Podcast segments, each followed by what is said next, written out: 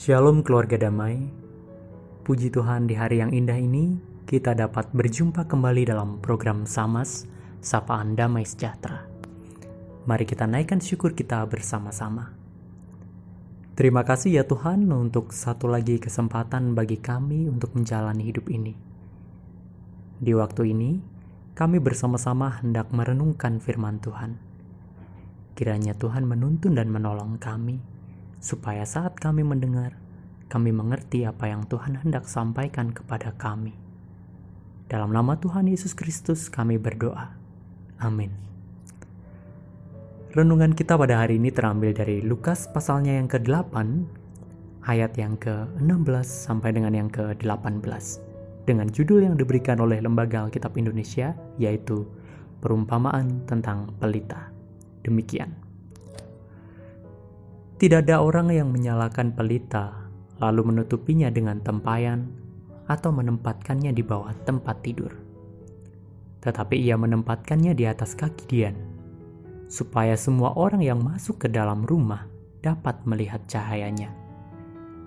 Sebab tidak ada sesuatu yang tersembunyi yang tidak akan dinyatakan, dan tidak ada sesuatu yang rahasia yang tidak akan diketahui dan diumumkan. Karena itu, perhatikanlah cara kamu mendengar, karena siapa yang mempunyai, kepadanya akan diberi, tetapi siapa yang tidak mempunyai, daripadanya akan diambil. Juga apa yang ia anggap ada padanya.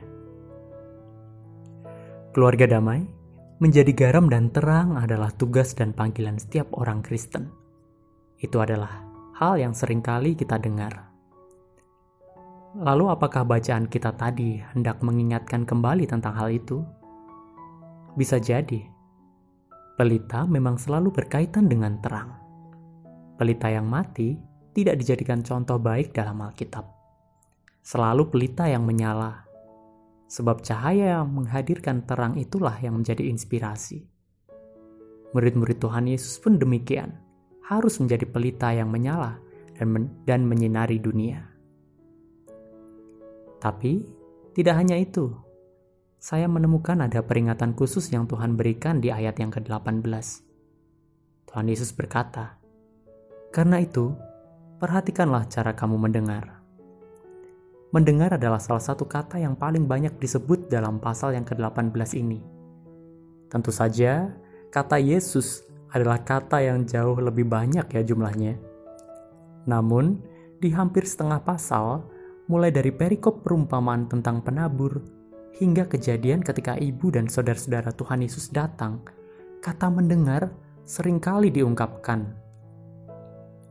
Keluarga damai, diceritakan waktu itu orang-orang yang begitu banyak jumlahnya berkumpul untuk mendengar Tuhan Yesus mengajar. Lalu Tuhan Yesus mengungkapkan cerita tentang seorang penabur. Saya tidak tahu berapa banyak orang yang tahu tentang arti perumpamaan itu. Tetapi ternyata murid-murid pun tidak tahu. Apalagi saya.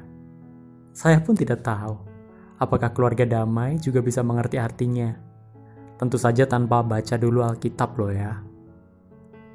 Tapi penulis Lukas sudah memberikan kunci jawabannya juga di sana. Mungkin sebagian besar dari kita pernah membacanya atau mendengarnya.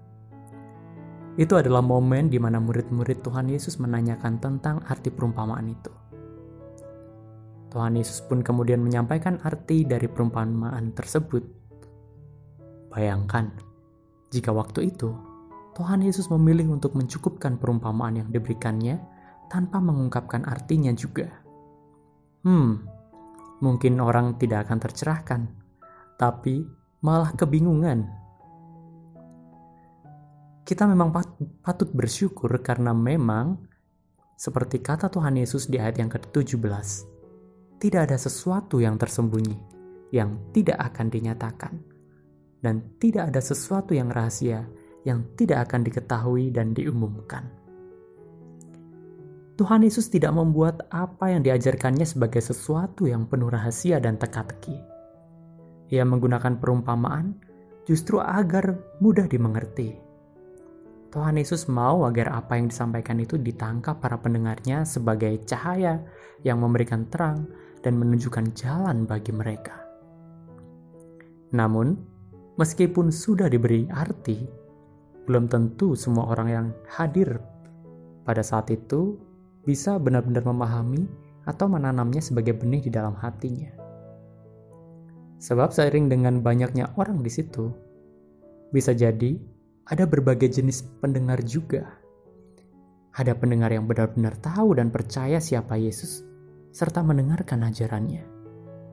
Tapi mungkin ada juga dari antara pendengar itu yang hanya ikut karena diajak tetangganya untuk menemani.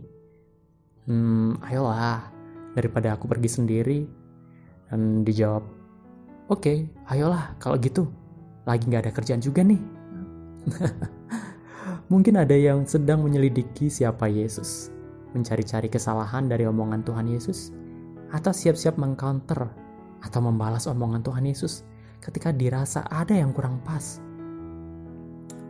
Hmm, mungkin juga ada pendengarnya yang multitasking, sambil-sambil, sambil mendengar, sambil melakukan yang lain, sambil berjualan permen, jualan roti, jajanan. Atau ada juga orang-orang yang memang sekedar ingin tahu saja. Saya membayangkan suasana yang ramai, yang masing-masing punya motivasi tersendiri ketika mereka hadir di sana. Hmm, kemudian saya teringat sebuah lagu dengan judul Firmanmu pelita bagi kakiku. Lagu yang terinspirasi dari Mazmur 119 ini mengungkapkan bahwa pelita itu adalah firman Tuhan. Jika demikian, saya pikir betul juga apa yang disampaikan Tuhan Yesus. Bagaimana mungkin pelita itu menjadi penerang bila ia bahkan tidak didengarkan dengan baik? Wah, sudah berapa banyak firman Tuhan dibawakan kepada saya untuk jadi penerang? Lalu, berapa banyak dan seberapa baik saya mendengar, menyimpannya dalam hati, serta memberinya ruang untuk bertumbuh. Saya mereview kembali. Ada juga sebuah ungkapan dari Dalai Lama yang bagus. Demikian.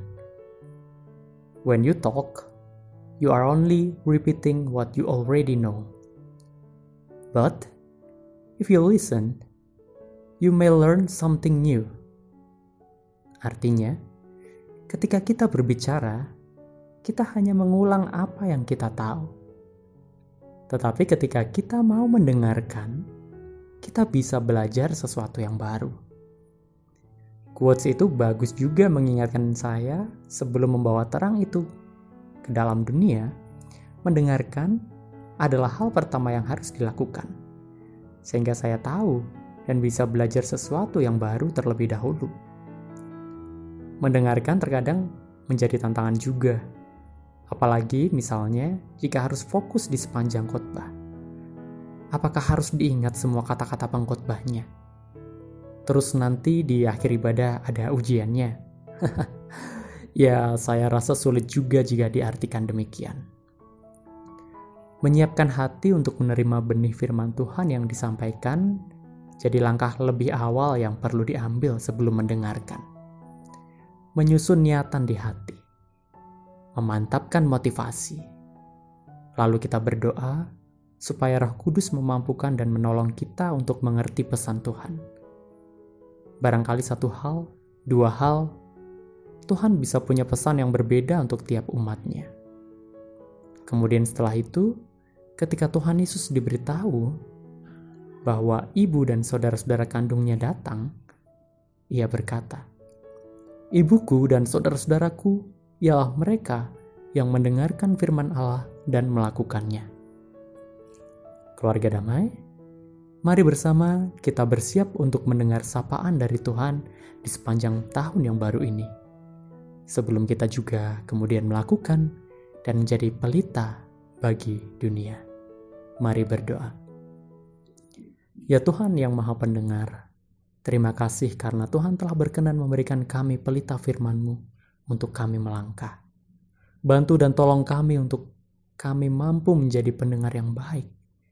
Sehingga benih firman Tuhan yang Tuhan taburkan melalui siapa pun itu boleh tertanam, tumbuh, dan kami pun mampu menghasilkan buah menjadi pelita yang memberi cahaya kemuliaan Tuhan di tengah dunia ini.